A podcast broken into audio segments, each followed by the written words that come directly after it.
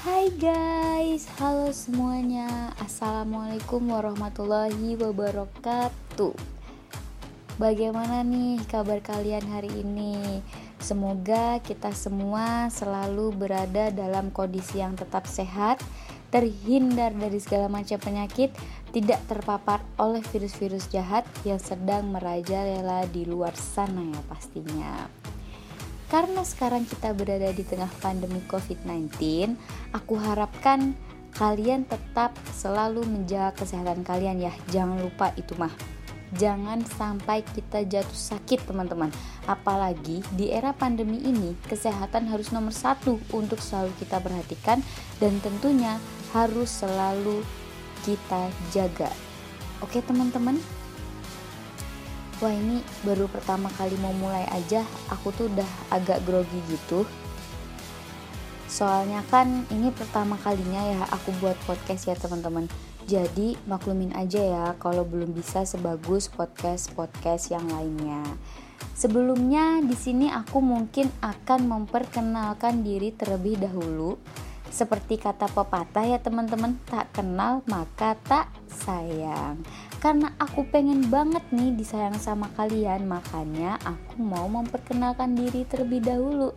Siapa tahu nanti kita bisa bertemu secara live, terus kita bisa saling sapa, terus kenal, terus jadi temen deh ya kan. Oke, okay, nama aku Zahrotul Aini. Biasanya aku dipanggil Zahra Atul Aini, ya banyak lah pokoknya jadi orang-orang di sekeliling aku tuh kalau manggil aku tuh suka ganti ganti ganti panggilan gitu. Di sini manggilnya ini di situ manggilnya itu. Jadi sesuka kalian juga mau manggil aku apa yang penting jangan sampai ganti nama aku aja gitu ya teman-teman. Nanti kalian bisa dimarahin papa mama aku lagi susah-susah ganti nama kalian manggilnya taunya Aisyah Fatimah kan nggak nyambung gitu. Sekarang aku berusia 20 tahun teman-teman. Harusnya tuh tahun ini aku masuk di umur 21 tapi karena belum masuk ke bulannya jadi masih kita mudain ya teman-teman 20 aja gitu. Aku lahir dan tinggal di kota Yogyakarta. Saat ini aku menempuh pendidikan S1 di Universitas Ahmad Dahlan Yogyakarta. Pokoknya ini universitas yang terkenal juga di Yogyakarta. Orang-orang Jogja pasti tahu pokoknya alma mater yang paling cerah itu adalah alma mater uh, eh, UAD ku tercinta. Oke, jurusannya apa? Jurusan Ilmu Kesehatan Masyarakat uh, mengambil bidang promosi kesehatan masyarakat. Kurang lebih sudah hampir sekitar tiga tahun ya teman-teman aku menempuh jenjang pendidikan S1 ini. Cukup sulit banyak lika-liku yang harus aku lalui gitu kan. Aku sekarang udah semester 6 nih teman-teman. Mudah-mudahan uh, tahun depan bisa cepet lulusnya ya. Amin. Doain aja ya teman-teman kan semester 6 semester 7 kita skripsi lulus pokoknya doain aja ntar biar cepet nikahnya juga. Asih nggak nggak bohong. Masih lama dong kalau nikah mah kita harus kerja dulu. Kita harus membanggakan orang tua dulu ya kan? Baru nanti kita menikah kalau sudah ada jodohnya pada kesempatan kali ini, aku akan menceritakan sedikit pengalaman aku ya beberapa bulan ini yang aku rasakan dari mulai awal tahun 2020 lalu mengenai musibah ya bisa dibilang uh, musibah ya seperti itu ya teman-teman yang sekarang sedang kita rasakan yaitu itu adanya pandemi COVID-19 di Indonesia. Awal tahun di tahun 2020 ini bisa dibilang tidak seindah awal tahun biasanya. Jadi yang mungkin kita ngerayain awal tahun itu dengan senang-senang, sekarang kita malah jadi bersedih gitu, cuman berdiam diri aja di rumah, nggak bisa liburan ke mana-mana ya kan jadi udah nggak kerasa nih teman-teman udah hampir sekitar enam bulan kita semua berada di tengah-tengah pandemi COVID-19 ini di mana e, semua orang merasakan kepanikan, ketakutan, kesulitan dan mungkin banyak perasaan lainnya yang timbul yang bisa sama-sama kita rasakan pastinya. Pokoknya teman-teman jangan jenuh, tetap harus semangat, berdoa aja nih teman-teman. Semoga pandemi COVID-19 ini bisa cepat berlalu. Amin, amin ya robbal alamin. Oke, sesuai dengan tema di sini. Jadi kan ini uh, tema kita hari ini tuh kayak berbagi pengalaman baru selama masa pandemi COVID-19.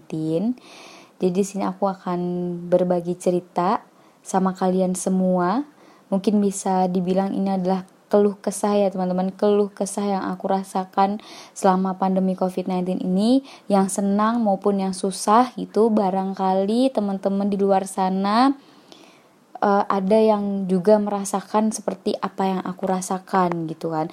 Tapi buat yang senang-senangnya aja kalau yang susah-susahnya kalau yang susah-susahnya jangan sampai kalian rasakan juga gitu kan.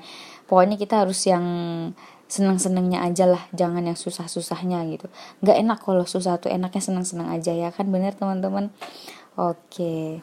Nah untuk uh, memulai aku bercerita atau berbagi pengalaman sama kalian, mungkin di sini aku akan sedikit mengungkapkan, gak sedikit sih, mungkin banyak juga, nggak tahu deh lah ya, mengungkapkan perasaan senang maupun susah yang selama ini nggak ding cuman beberapa bulan ini beberapa bulan belakangan ini aku rasakan dari awal terjadinya pandemi COVID-19 di Indonesia, khususnya di Yogyakarta, karena kan uh, aku tinggal di Yogyakarta, jadi pasti aku memiliki perasaan senang maupun susah tersendiri di kota aku tercinta ini.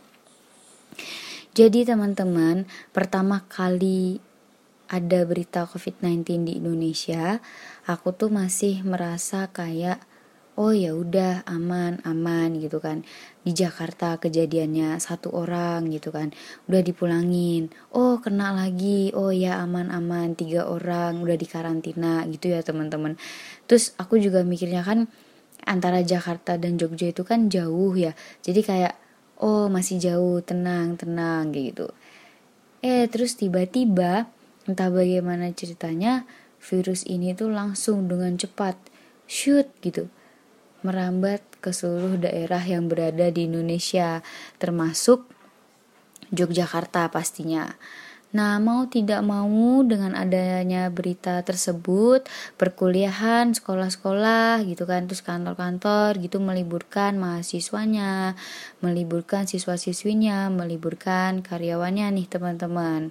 Pertama kalinya nih dengar berita libur gitu, seneng dong ya pastinya senang banget dong pastinya kita kayak mahasiswa-mahasiswa yang uh, agak sedikit males untuk kuliah gitu. Kalau apalagi kalau siang-siang bolong kuliahnya tuh kan udah mana panas kan males banget. Jadinya kan berpikiran wah nggak usah kuliah nih rebahan aja di rumah terus. Kayak gitu kan.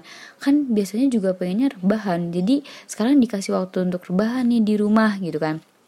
Terus bisa mikir juga kayak bisa nih main ke sana ke sini gitu. Wah bisa liburan juga nih kayak gitu. Ye ketemu sama teman-teman yang lain nih gitu kan. Ya banyaklah yang aku pikirin saat itu. Tapi pada kenyataannya virus corona ini dinyatakan berbahaya teman-teman. Jadi dengan mudah gitu e, menularkan dari orang satu ke orang yang lainnya. Hanya dengan melalui droplet itu ya tadi teman-teman tidak bisa disepelekan teman-teman. Tidak bisa disepelekan dengan begitu saja. Mulailah terasa sedikit demi sedikit penyesalan yang aku rasakan karena aku pernah gitu berpikir kalau diliburkan di masa-masa seperti ini tuh enak. Padahal ternyata sama sekali tidak enak ya teman-teman. Kita harus berdiam diri di rumah saja tidak dapat uang jajan ya kan? Yang kalau kuliah biasanya dapat uang jajan. Karena pandemi kan di rumah aja gitu kan.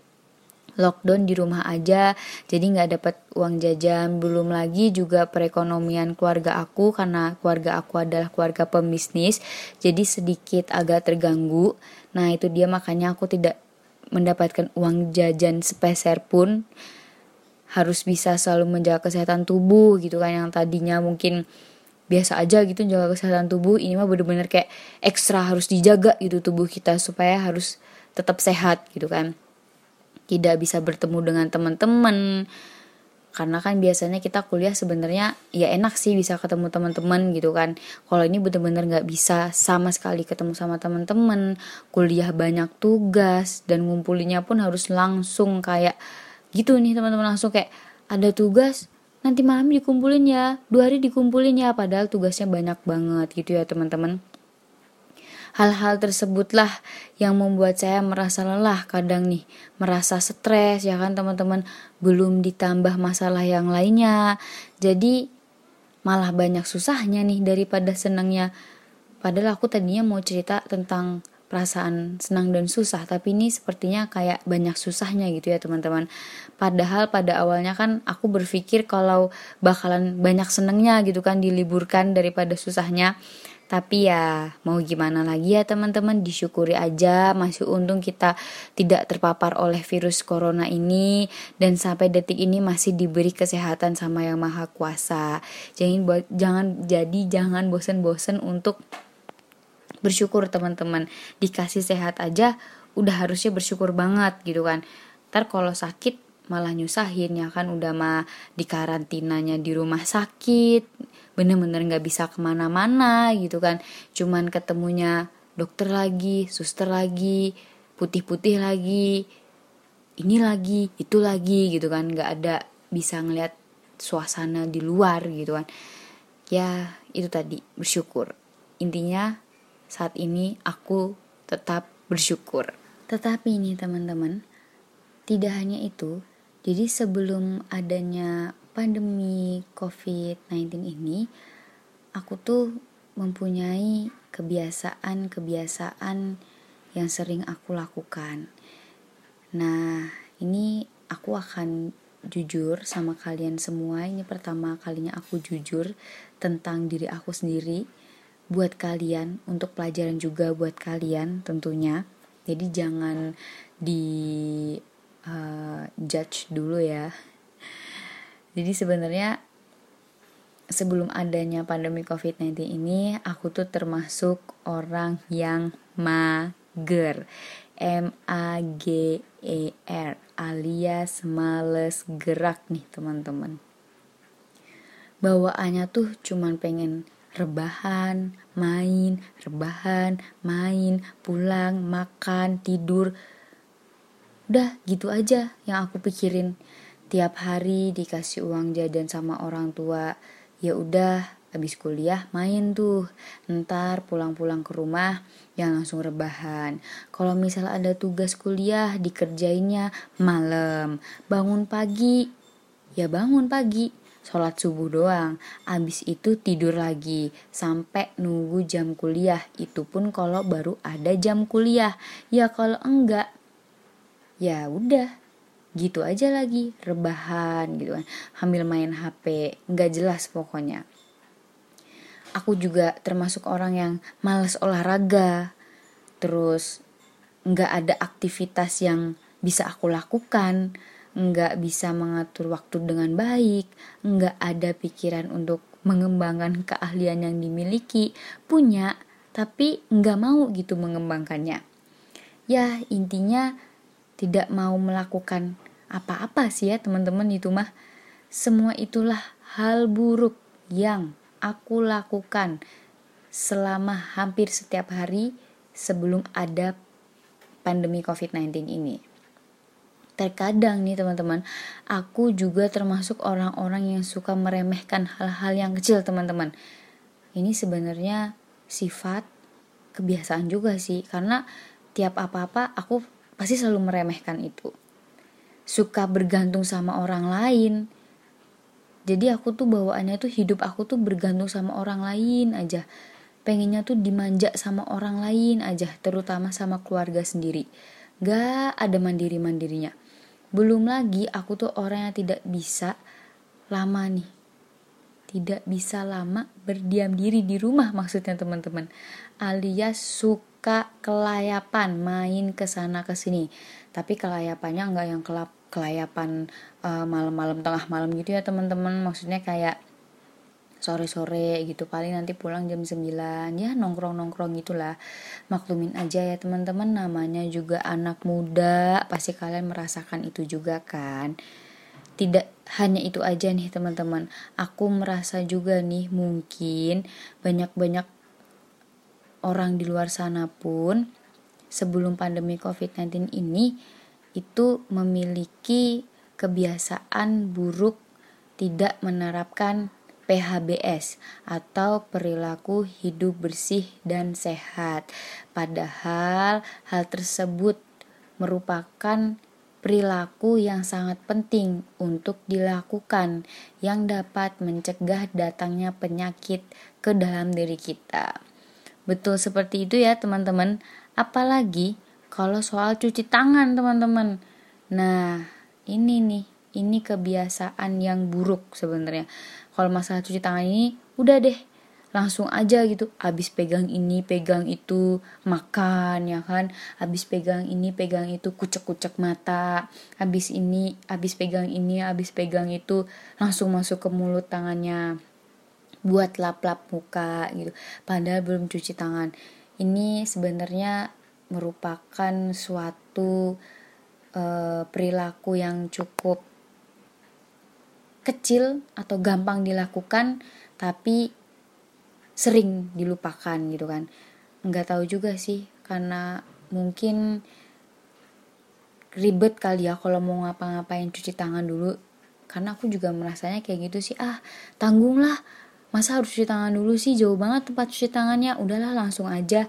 Biasanya aku juga kayak itu tapi perilaku itu semua kan kita udah tahu ya kalau itu buruk. Jadi jangan dilakukan ya teman-teman. Jangan dicontoh.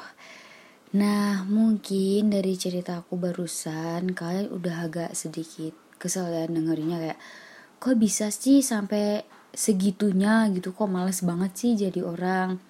Ya kayaknya kalau kalian bertatap muka langsung sama aku udah dikatain habis-habisan nih aku pastinya tapi tenang teman-teman, akhir-akhir ini aku mulai tersadar kok.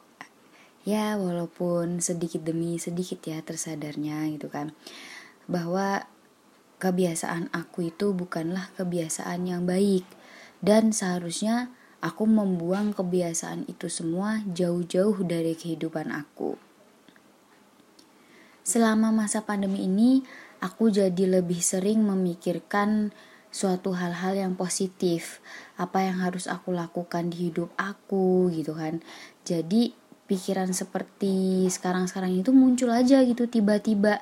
Karena kan mungkin aku dipaksa untuk berdiam diri di rumah selama 24 jam dan juga berbulan-bulan. Padahal biasanya aku tidak pernah yang namanya tuh di rumah selama 24 jam gitu kan. Jadi mau tidak mau kayak tidak ada hal lagi yang bisa aku lakukan yang bisa dilakuin lagi.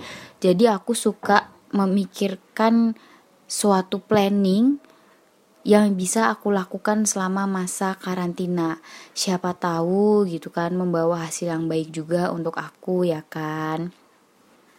Dan benar aja nih teman-teman, hasil pemikiranku tadi itu membawa banyak keberuntungan buat diri aku sendiri membuat diri aku menjadi jauh lebih baik dari sebelumnya. Hal yang paling kecilnya aja nih teman-teman, yang tadinya aku males olahraga, sekarang aku semangat banget untuk melakukan olahraga. Karena kan berat badan aku kan juga lumayan gitu kan. Waktu pas uh, sebelum pandemi itu aku kayak ya udah sih males aja gitu. Tapi karena uh, di masa pandemi ini tidak ada kegiatan jadi aku bisa menyempatkan diri untuk melakukan olahraga di setiap pagi hari ataupun pas sore hari. Biasanya kalau aku nggak sempet pagi-pagi aku sore-sore, tapi kalau sore-sore itu biasanya kayak olahraga main badminton gitu kan sama kakak aku sama papa aku seperti itu. Karena kan aku ngerasa nih rebahan itu udah dilakukan selama berjam-jam ya selama 24 jam gitu. Jadi apa salahnya gitu kalau bisa meluangkan waktu beberapa menit, beberapa jam untuk olahraga sebentar gitu kan teman-teman. tidak hanya itu saja teman-teman, selama masa karantina ini aku juga sudah bisa sedikit membagi waktu dengan baik karena banyak tugas yang harus aku kerjakan, jadi aku harus bisa membagi waktu dengan baik agar tidak merasa stres. Jadi kan kalau misalkan aku nggak bisa membagi waktu nih, jadi aku kayak stres gitu loh. Makanya sekarang waktunya itu aku bagi, jadi biar kayak nggak merasa semua beban tuh terkumpul jadi satu gitu kan kalau dibagi waktunya belum lagi nih ya teman-teman kalau semisal di suatu hari itu aku merasa bosan karena mungkin tidak ada tugas atau aktivitas lain yang mau aku kerjakan atau yang mau dikerjain aku biasanya sih sekarang udah mulai mengembangkan keahlian uh, yang aku miliki gitu. Jadi yang keahlian-keahlian yang aku miliki sebenarnya sebelum di masa pandemi gitu kan itu sekarang udah mulai aku kembangkan gitu. Kebetulan aku tuh orangnya kan suka makan. Jadi suka masak-masak juga gitu kan. Jadi punya inovasi-inovasi untuk menciptakan resep-resep tersendiri. Jadi biasanya aku iseng-iseng masak gitu teman-teman. Nah ini nih yang paling aku banggakan di perubahan hidup aku yang sekarang ini. Jadi teman-teman dari keisengan aku tadi gitu kan karena aku kan suka iseng-iseng sendiri masak gitu menciptakan resep baru tadi itu aku bisa mendapatkan penghasilan sendiri dari keisengan aku tadi itu. Gimana tuh coba iseng tapi bisa menghasilkan penghasilan. Karena kan selama masa pandemi ini ekonomi keluarga aku itu kan juga baru terganggu ya. Tadi kan aku udah sedikit cerita di awal jadi aku nggak dikasih uang jajan lagi sama orang tua aku. Tetapi alhamdulillahnya ada cara lain untuk dapetin uang jajan buat aku jajan sendiri nih teman-teman. Ya bisa dibilang sih awal mulanya ya cuman aku tuh pengen makan sesuatu gitu. Sebenarnya ini eh, nggak uh, asing buat kalian semua pastinya makanannya juga gampang juga sih dibuatnya. Jadi waktu itu aku pengen banget uh, makan sesuatu. Harusnya sih kalau di daerah Jakarta sana itu bisa beli gitu kan. Karena di sana udah ada beberapa uh, yang buka atau yang membuat ini sebenarnya. Nah, jadi bisa beli gitu kan makanan ini. Tetapi karena di Yogyakarta ini belum ada, jadi aku mikir gitu gimana caranya aku bisa makan itu karena aku pengen banget. Sedangkan kita baru karantina di rumah aku nggak bisa ke Jakarta dong gitu. Biasanya kan aku kalau liburan atau ada waktu lain emang ke Jakarta jadi aku pasti sempat sempetin beli gitu kan kalau lagi ke sana. Tapi kan ini nggak bisa jadi gimana ya aku pengen makan gitu. Nah terus aku kayak cari-cari resep seperti itu. Nah tapi aku uh, improvisasi sendiri gitu resepnya jadi aku tambahin sendiri apa gimana gitu kan biar rasanya beda. Ternyata bener aja nih waktu pas aku makan itu wah rasanya beda dari yang biasanya. Dan menurut aku menurut aku sendiri sih yang aku masak gitu kan enak gitu kan. Nah aku iseng nih jadi ceritanya nanya-nanya ke mama aku ke kakak aku kayak aku suruh cicipin enak gak? Gitu enak gak ma? Enak gak kak? Kayak gitu terus mereka responnya kayak jawab enak nih kayak gitu. Tadinya tuh mamaku sempet nanya beli di mana? Gojek apa namanya uh, gojek online kah? Apa gimana? Gitu kan gofood ya kan. Terus aku bilang enggak aku bikin sendiri mah kayak gitu. Jadi emang nggak ada belum ada gitu. Di sini ya paling ada tapi yang biasa gitu. Tapi kalau yang ini kan bener-bener yang awalnya itu ada cuma di Jakarta kayak gitu teman-teman. Udah terus kakak aku bilang coba deh kamu iseng-iseng buka uh, eh, PO kayak gitu pre-order gitu kan. Ada yang mau nggak pesen masakan kamu makanan kamu? gitu. Jadi terus aku langsung foto aku langsung share di WhatsApp gitu terus di Instagram juga gitu kan aku PO ternyata banyak yang minat gitu kan. Aku kan pakai nama-namain Disney nggak ada loh gitu-gitu kan. Jadi mereka kayak tertarik terus akhirnya ikutan PO gitu. Terus aku bikin terus aku anterin gitu kan sistem antar dan COD gitu. Mereka makan suka gitu kan. Akhirnya berlanjut sampai sekarang. Itu untuk uh, bisnis aku yang pertama ada dua ya bisnis aku ya sekarang. Maksudnya uh, untuk kayak penghasilan yang aku hasilkan sendiri itu dari dua hal. Itu yang pertama tadi mengenai makanan gitu. Nah terus yang kedua juga awalnya iseng-iseng juga nih teman-teman jadi ini nggak berkaitan dengan soal masak memasak atau pengembangan keahlian gitu mengembangkan keahlian gitu ya. Jadi yang kedua ini cuman aku tadinya tuh pengen beli uh, baju baju tidur gitu yang lucu-lucu gitu kan. Aku dapet channelnya terus aku pikir-pikir wah ini lucu nih kayaknya di pasaran juga belum ada gitu kan. Terus aku ngomong ke kakak aku kakak aku kayak wah iya nih bagus kayaknya di pasaran belum ada coba aja kamu jual kayak gitu kan kakak aku bilangnya. Akhirnya aku dimodalin kakak aku aku dibeliin kakak aku barangnya gitu kan karena aku kan nggak punya modal ya awalnya gitu. Terus kakak aku yang kasih modal untuk beli bajunya ini aku share ternyata laku juga. Jadi itu sebenarnya keisengan dan ketidaksengajaan aku gitu. Aku tuh kayak melihat apa sih yang nggak ada gitu? Apa sih yang belum ada? Apa sih yang orang itu tuh nyarinya tuh susah? Nah makanya itu aku jadikan referensi untuk aku menghasilkan uh, uang sendiri gitu teman-teman. Nah mungkin ya itu sih teman-teman pengalaman baru aku atau ya pengalaman baru sih sebenarnya ya itu yang cukup aku banggakan karena yang awalnya tadinya aku manja atau bergantung sama orang gitu kan uh, dan sisi kebiasaan buruk aku juga itu sekarang aku udah bisa hidup mandiri nggak bergantung sama orang-orang di sekeliling aku lagi terutama sama orang tua aku gitu kan. Jadi aku udah nggak menyusahkan mereka lagi ya gitu teman-teman. Alhamdulillah pokoknya. Ngomong-ngomong soal pengalaman baru berarti kan di setiap pengalaman itu ada juga kebiasaan baru yang kita lakukan ya kan.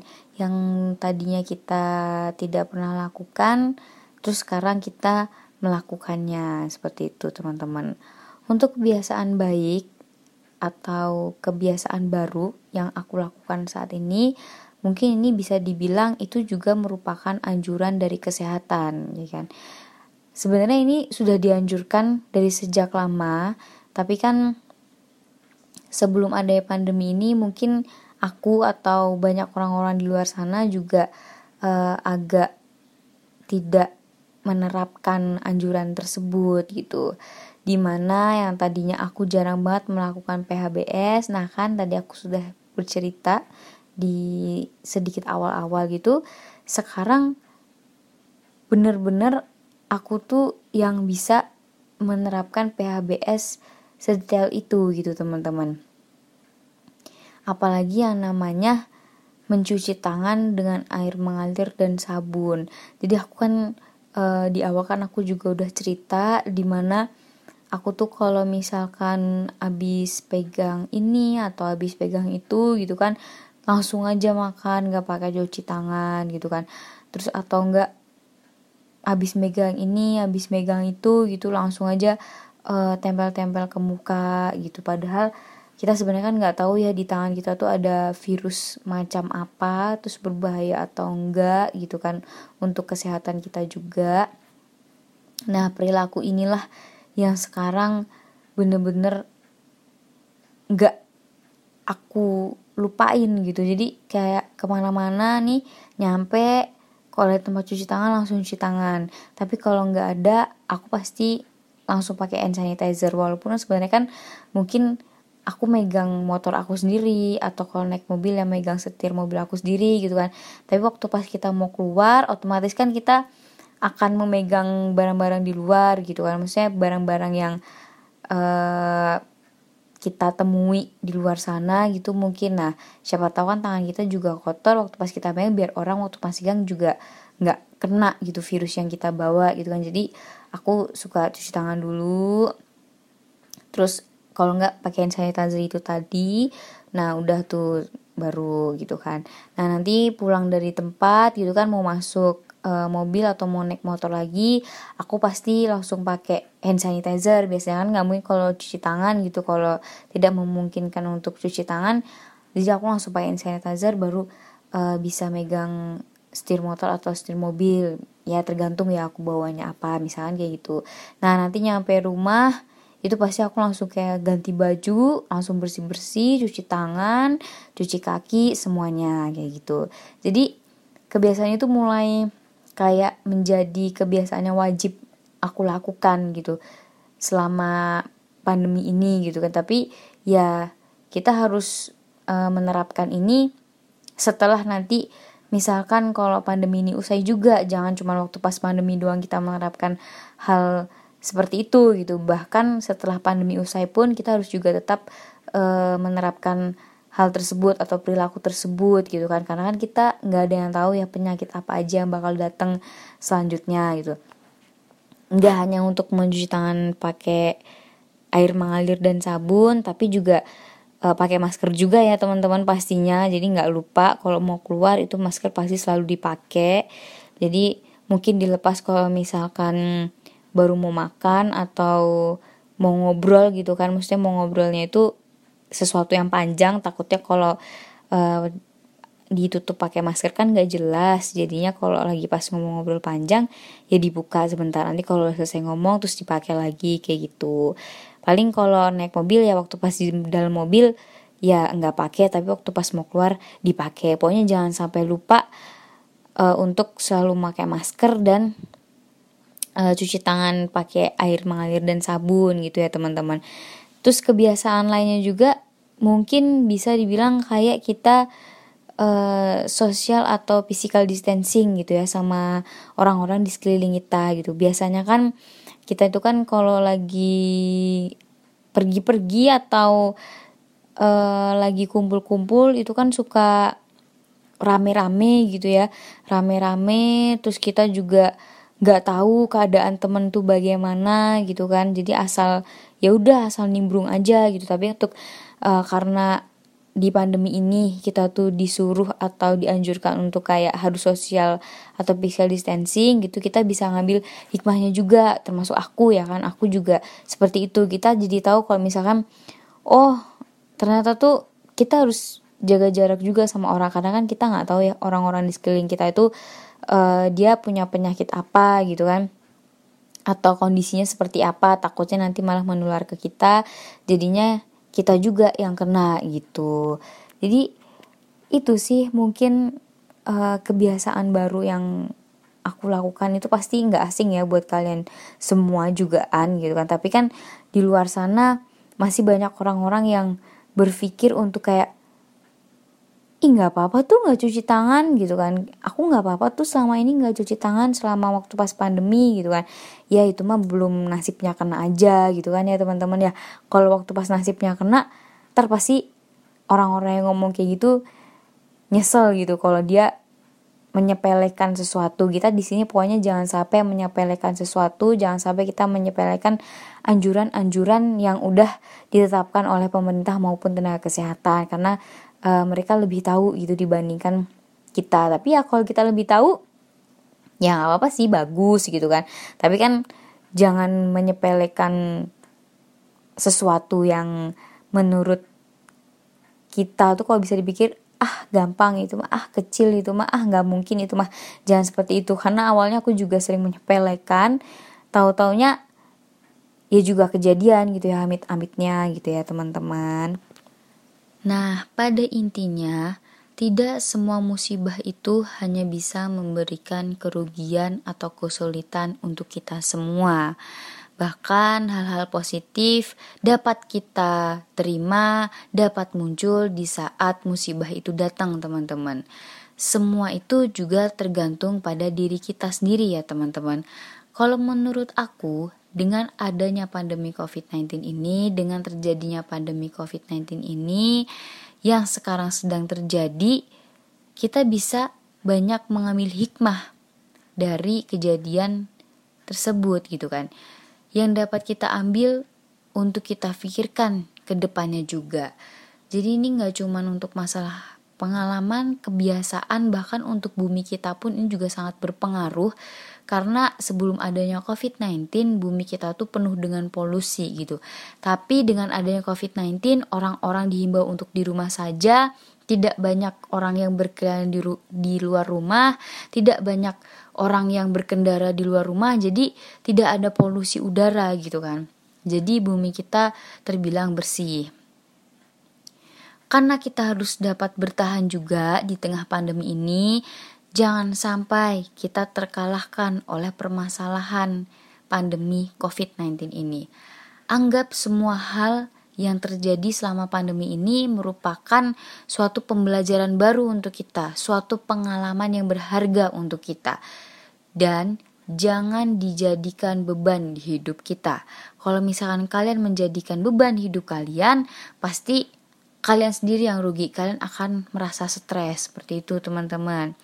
Kalau bisa, justru kita harus dapat menguatkan orang-orang yang ada di sekeliling kita, teman-teman juga untuk bisa melakukan apa yang sudah kita lakukan selama berada di tengah pandemi COVID-19 ini disebarluaskan ke teman-teman. Jadi teman-teman meniru hal-hal positif apa yang udah kita lakukan gitu. Itu kalau kita melakukan hal positif, jangan sampai kita menyebarkan hal negatif, teman-teman.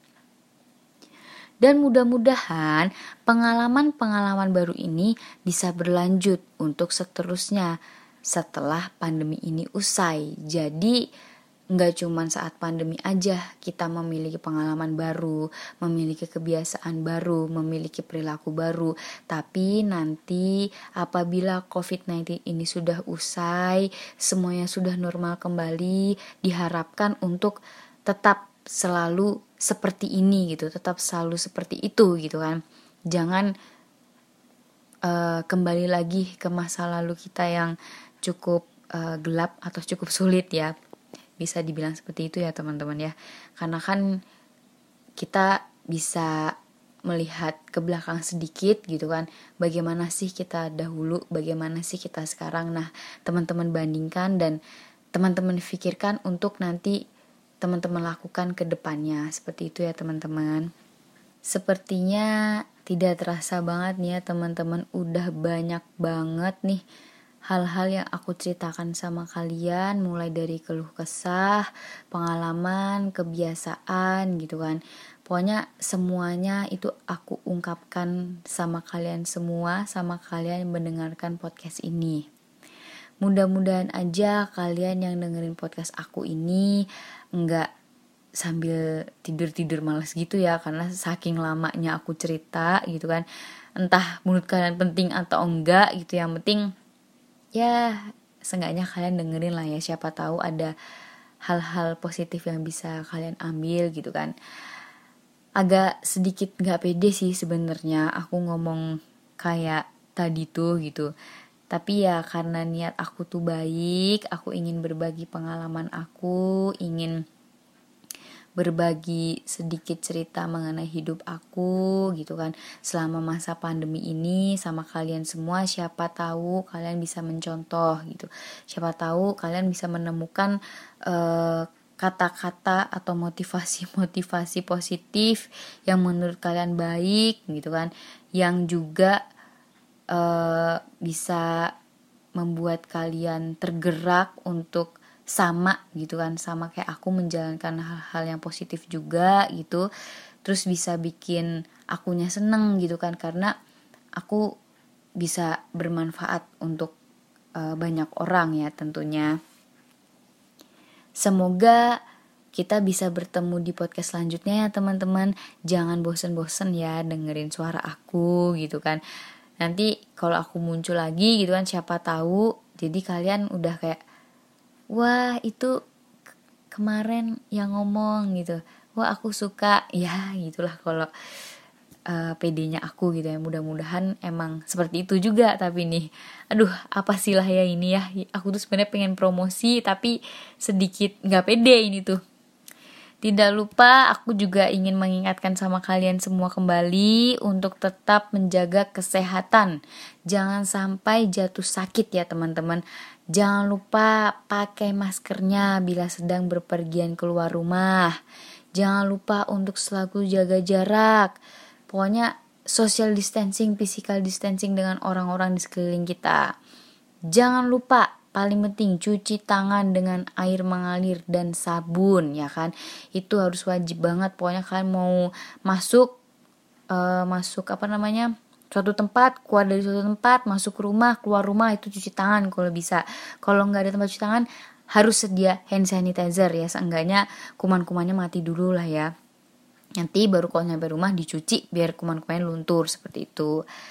Pokoknya tetap semangat harus tetap ceria, jangan sampai kita lesu, jangan sampai kita uh, mulai melemah ya teman-teman. Pokoknya semangat, intinya semangat, jangan lupa bersyukur. Baik, saya ucapkan banyak terima kasih untuk kalian semua yang telah mendengarkan podcast saya kali ini. Podcast aku kali ini tuh jadi formal malahan ya. Sampai jumpa di lain waktu. Wassalamualaikum warahmatullahi wabarakatuh.